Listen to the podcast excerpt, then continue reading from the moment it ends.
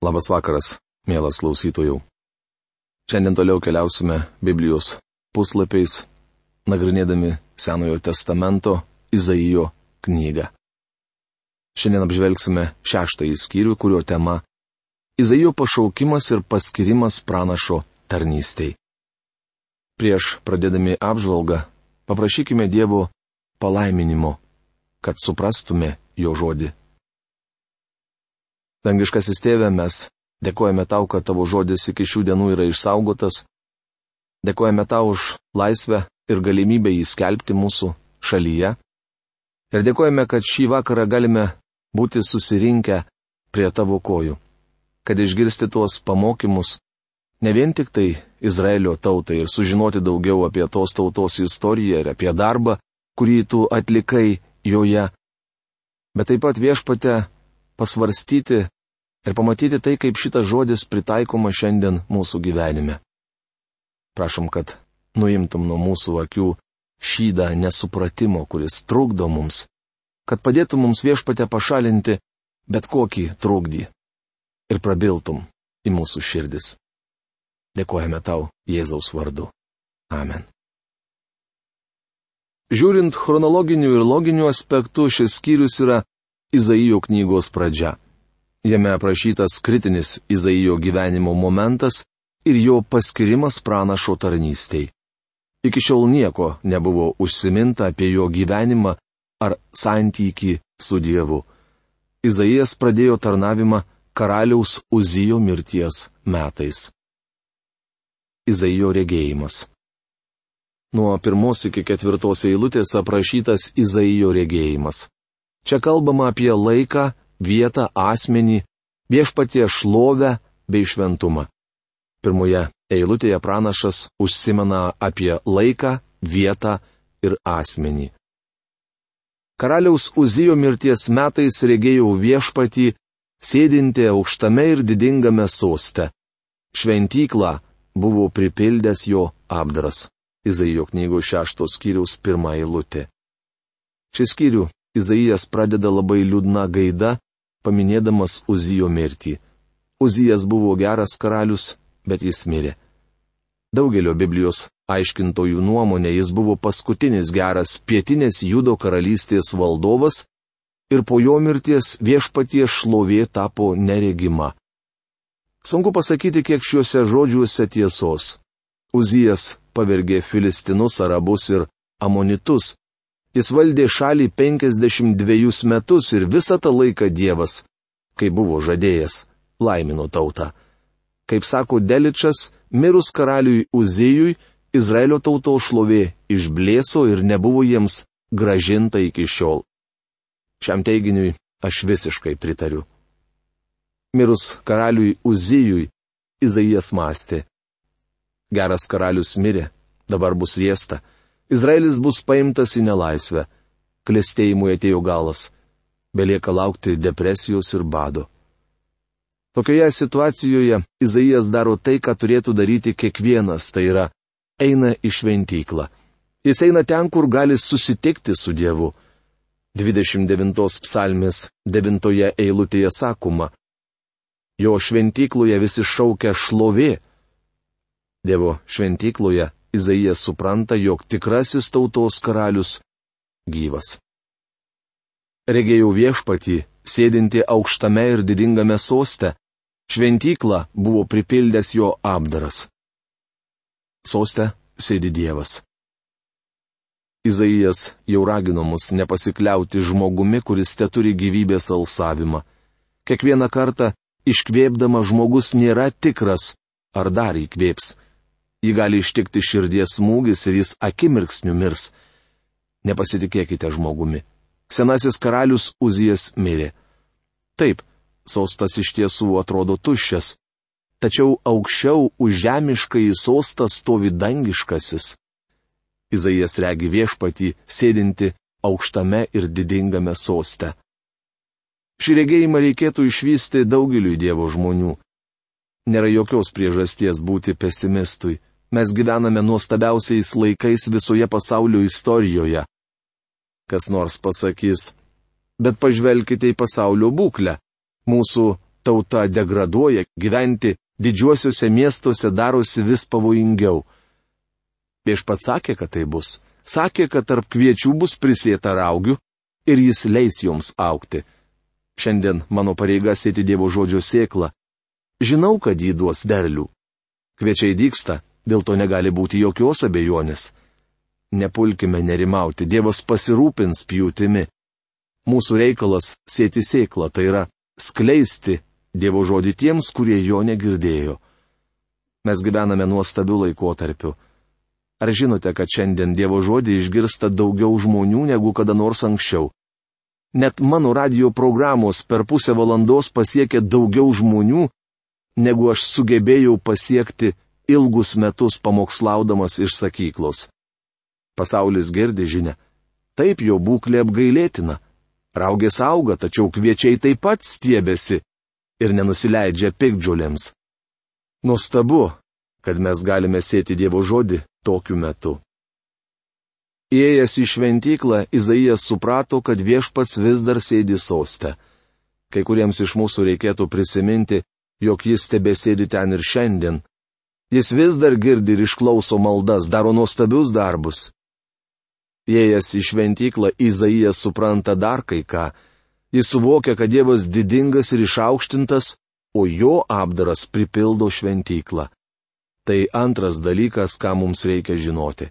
Dievas didis ir išaukštintas, nedarantis kompromisų su nuodėme.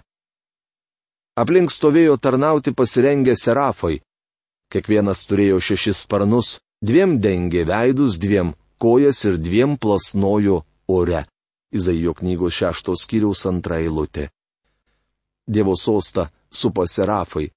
Tai viena iš kelių šventojo rašto vietų, kur minimos šios dievų sukurtos, mąstančios būtybės. Apie jas mes beveik nieko nežinome. Seraf reiškia degti. Šis žodis vartojamas kalbant apie aukas už nuodėmę ir teismą. Galbūt serafai yra kerubų priešingybės. Serafai ištiria nuodėmę, o kerubai sergi Dievo šventumą. Žodis seraf niekada nesiejamas su kvapiaisiais milkalais ar malonaus kvapo atnašomis, simbolizuojančiomis Kristų. Serafai aktyvūs, o kerubai pasyvūs. Ezekėlio ir apreiškimų knygose tiek vieni, tiek kiti vadinami gyvomis būtybėmis. Serafai, kuriuos savo regėjime matė Izaijas, gina Dievo šventumą. Viešpats sėdi aukštame ir didingame soste. Dievas nedaro kompromisų su nuodėme. Ir aš jam už tai dėkingas. Jis nesitaikstys su blogiu jūsų ir mano gyvenime, nes blogis arba nuodėmė atnešė į šį pasaulį liūdėsi ir širdgėlą. Dėl jos žilsta plaukai, ima drebėti kojos, sudrimba pečiai, jie išardo šeimas ir pripildo kapines. Džiaugiuosi, kad Dievas nedaro kompromisų su nuodėme. Jis sako, kad nekenčia jos ir ketina ją sunaikinti, pašalinti iš jos visatos. Mūsų Dievas paskelbė nuodėmiai karą ir nepripažins jos savanoriško pasidavimo. Jis išvys nuodėmę iš savo visatos. Taip sako Dievas, didis ir išaukštintas. Bičiuli, mes su jumis turėsime priklaupti prieš jį. Išvykęs Dievas sėdinti savo sostę, Izaijas parpuolė kniūpšęs. Bažnyčia būtinai turi naujomis akimis išvysti Dievą, ne tik jo meilę, bet ir jo šventumą bei teisumą. Dievas šventas, todėl teisė nuodėme. Ir dar niekarto neprašė manęs, kad už jį atsiprašyčiau. Taigi, aš neatsiprašinėsiu. Nuodėmė pykdo Dievą ir jis baus nusidėlius. Jis sako, jog tai padarys. Dar Dievas sakosi esas jūsų draugas, pasiryžęs jūs išgelbėti. Tačiau jums reikia ateiti pas jį jo nustatytų keliu. Turite tikėti jo sunumi viešpačiu Jėzumi Kristumi. Evangelijos pagal Joną 14 skyriaus 6 eilutėje Jėzus sakė, Aš esu kelias, tiesa ir gyvenimas. Niekas nenueina pas tėvą kitaip, kaip tik per mane. Šventas, Šventas, šventas yra galybių viešpats, visa žemė pilna jo šlovės. Šaukė jie, nepaliaudami vienas kitam. Izaijo knygos šeštos skyriaus trečia eilutė. Čia eilutė parodo, koks šventas ir šlovingas yra mūsų Dievas. Jis didingas ir išaukštintas. Jei išvystume į tokį, būtume išvaduoti iš niekingos gyvensenos. Bet to tai išgelbėtų kai kuriuos žmonės iš lengvabūdiško familiarumo Jėzaus atžvilgių. Regis kai kurie viešpati Jėzų laiko savo draugeliu, su kuriuo gali elgtis kaip tinkami. Bičiuli, negalite atbėgti tiesiai pas Dievą. Jis to neleidžia. Pas tėvą ateinama per Kristų. Tai vienintelis būdas prie jo priartėti. Taip pat negalite ateiti pas tėvą pasikliaudami savo išskirtinumu ar gerumu. Kelias pas tėvą laisvas tik tiems, kurie yra Kristuje. Viešpats Jėzus aiškiai tai davė suprasti, sakydamas, niekas nenueina pas tėvą kitaip, kaip tik per mane. Jei esate jo vaikas, drąsiai ženkite prie malonės sosto, tačiau negalite ateiti pas jį jokių kitų pagrindų. Nuo jų šauksmo drebėjo durų staktos ir šventikla prisipildė dūmų. Izaijo knygos šeštos skyriaus ketvirta eilutė nuo jų šauksmo, čia kalbama apie serafus, garsinančius Dievo šventumą. Kaip tai paveiks Izaiją? O aš tariau savo, vargas man, nes esu žuvęs. Aš žmogus, kurio lūpos suteptos, gyvenu tautoje, kurios lūpos suteptos, ir savo akimis regiu karalių galybių viešpatį. Izaijo knygos šeštos kiriaus penktą eilutę. Izaijas buvo Dievo vyras ir prieš patirdama šį regėjimą. Visgi tai, ką jis išvydo, paliko jam gilų įspūdį. Izaijas buvo sukrestas. Jis pamatė save tokį, koks iš tikrųjų buvo Dievo akivaizdoje - žuvusi. Izaijas suvokė savo būklę. Išvykęs Dievą jis galėjo įvertinti save. Daugeliu iš mūsų bėda ta, kad mes nevaikštome Dievo žodžio šviesoje. Antraip išvystume, kokie esame. Apie tai kalba ir apaštalas Jonas pirmo laiško pirmo skyriaus septintoje eilutėje. O jei vaikščiojame šviesoje, kaip ir jis yra šviesoje, mes bendraujame vieni su kitais. Ir jo sunaus Jėzaus kraujas apvalo mus nuo visų nuodėmių. Jei vaikščiotume jo žodžio šviesoje, išvystume tą patį, ką regėjo Izaijas. Tai yra, kad mes žuvę žmonės su teptomis lūpomis. Bičiuli, jei manote esas kažko vertas ar kažkuo naudingas Dievui, jūs dar niekarto iš tikrųjų nematėte viešpaties. Kažką panašaus teko patirti ir Jobui. Tuomet jis sakė, aš baisiuosi savimi. Jobas laikė save teisiu, jis galėjo ginti savo dorumą draugų akivaizdoje. Bičiuliai, bandę sudraskyti šį nelaimėlį į gabalus, sakė, kad jis baisus nusidėlis, tačiau Jobas žvelgdamas tiesiai jiems į akis atkirsdavo, kiek žinau, esu teisus žmogus. Žmogiškų požiūrių jis buvo teisus ir varžybas laimėjo. Tačiau Jobas nebuvo tobulas. Susidūręs akis į akį su Dievu jis nebenorėjo ginti savo teisumo. Išvykę save tokį, koks iš tikrųjų buvo, šis vyras sakė, buvau girdėjęs gandus apie tave, bet dabar mano akis mato tave. Todėl gėdijuosi visko, ką esu pasakęs, ir atgailauju dulkėse ir pelenuose rašoma Jobo knygos 42 skyriaus 5-6 eilutėse. Jei vaikščiojate Dievo žodžio šviesoje, matysite save tokį, koks iš tikrųjų esate. Suprasite, kad jums, kaip Dievo vaikui, vis dar reikalingas Jėzaus Kristaus kraujas, apvalantis nuo visų nuodėmių. Panašiai reagavo ir kiti vyrai atsidūrę Dievo akivaizdoje. Apaštalas Jonas apie savo regėjimą Patmo saloje rašė, Jį išvykęs aš poliau jam po kojų tarsi negyvas. Apreiškimo knyga pirmas skyrius 17 eilutė. Danieliaus knygoje skaitome, taigi aš likau vieną žiūrėti į šį didį regėjimą. Aš netekau jėgų, mirtinai išbliškau ir buvau visiškai bejėgis. Danieliaus knyga 10 skyrius 8 eilutė. Ta pati patyrė ir Saulis iš Tarso, vėliau tapęs apaštalų Pauliumi. Susitikęs su viešpačiu jis daugiau nelaikė savęs teisiu fariziejumi, bet suprato esas pražuvęs nusidėjėlis, kuriam būtinas išgelbėjimas. Tuomet galėjo pasakyti, bet tą pirmenybę aš dėl Kristaus palaikiau nuostoliu, prašoma Filipiečiams laiško trečios skyriaus septintoje eilutėje. Paulius suprato, kad jam reikalingas Jėzus Kristus. Tuomet vienas iš serafų priskrido prie manęs laikydamas rankoje žėruojančią žaryją, kurią buvo paėmęs žnyplėmis nuo aukuro. Izaijo knygos šeštos kiriaus šešta eilutė. Žeruojančią žaryje serafas paėmė nuo aukuro, ant kurio buvo atnašaujamos aukos už nuodėmę. Kitame skyriuje skaitysime pranašystę apie Kristaus gimimą, tačiau mūsų išgelbsti ne Kristaus įsikūnymas, bet jo mirtis ant kryžiaus. Todėl Izaijui buvo reikalinga žiruojanti žaryje nudeginamųjų aukų aukuro, simbolizuojančio Kristaus mirtį. Pati žiruojanti žaryje simbolizuoja Kristaus kraują, kuris apvalo mus nuo visų nuodėmių. Jis palėtė ją mano burną. Žiūrėk, tarė jis, žaryje palėtė tavo lūpas, tavo kaltė panaikinta ir tavo nuodėmė nuvalyta. Izaijo knygos šeštos kiriaus septinta eilutė. Izaijas žmogus, kurio lūpos suteptos, o apvalymo sąlyga išpažintis. Jeigu išpažįstame savo nuodėmės, jis ištikimas ir teisingas, kad atleistų mums nuodėmės ir apvalytų mus nuo visų nedorybių. Rašoma pirmame Jono laiške, pirmame skyriuje devintoje eilutėje.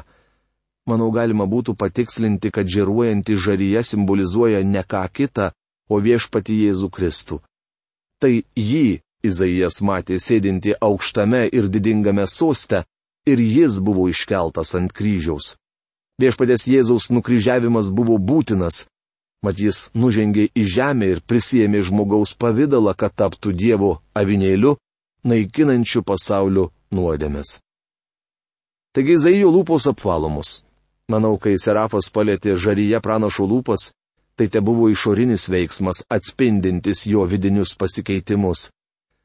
Kas išeina iš burnos, eina iš širdies.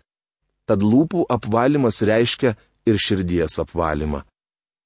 Naujajame testamente skaitome apie dar vieną žuvusį žmogų. Jo vardas Paulius. Šis vyras sakė, vargšas žmogus. Kas mane išvaduos iš šito mirtingo kūno? Rašoma romiečiams laiško 7 skyriaus 24 eilutėje. Tardama šiuos žodžius, Paulius nebuvo pražuvęs nusidėjėlis, bet Dievo šventasis.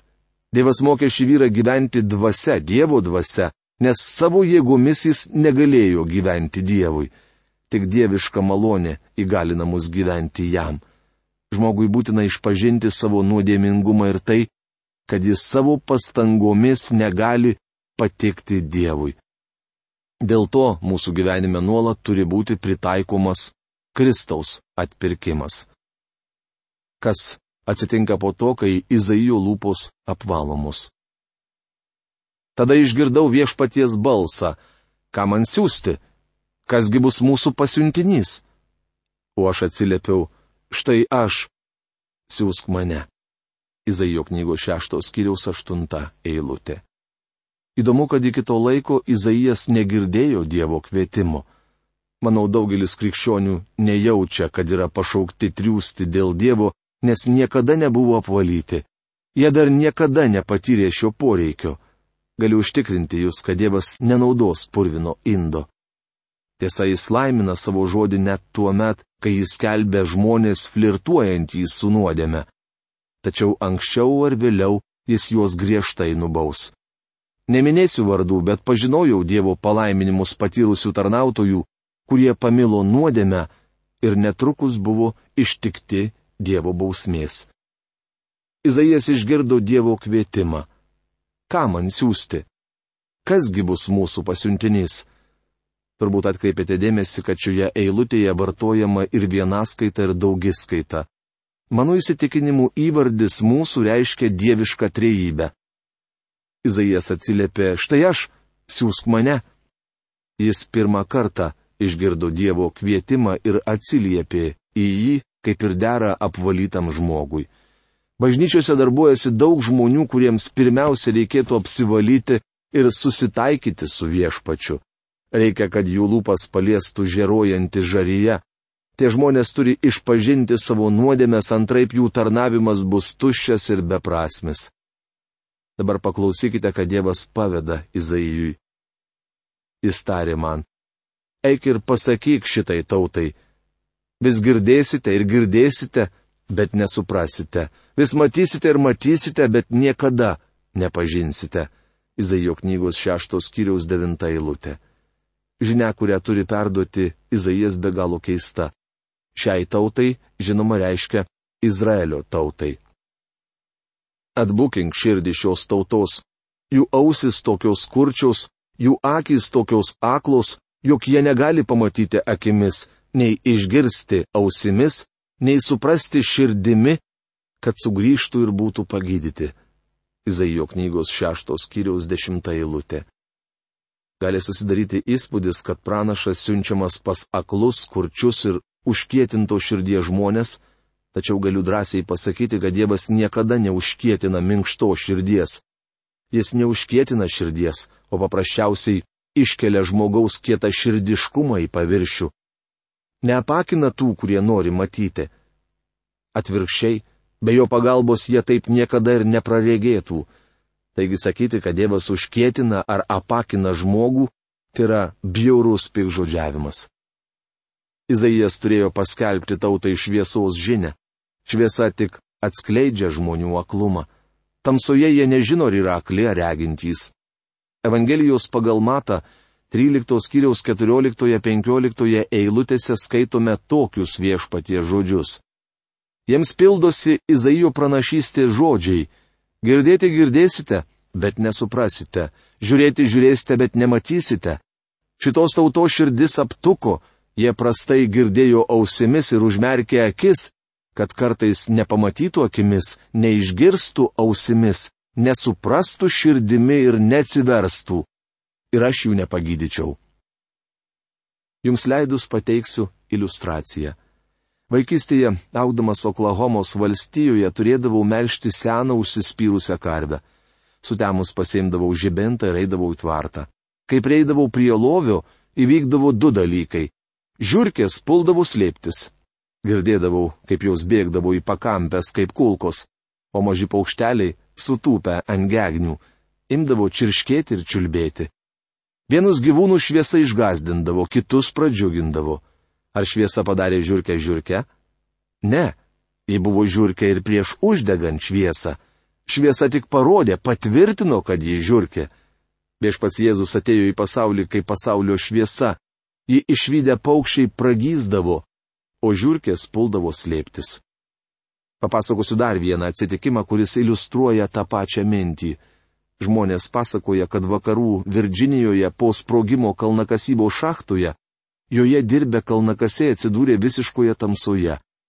Kai gelbėtojų komanda nešina žibintais vargais negalais prisikasi iki jų, vienas jaunas kalnakasys paklausė, kodėl niekas neįžiebė šviesos.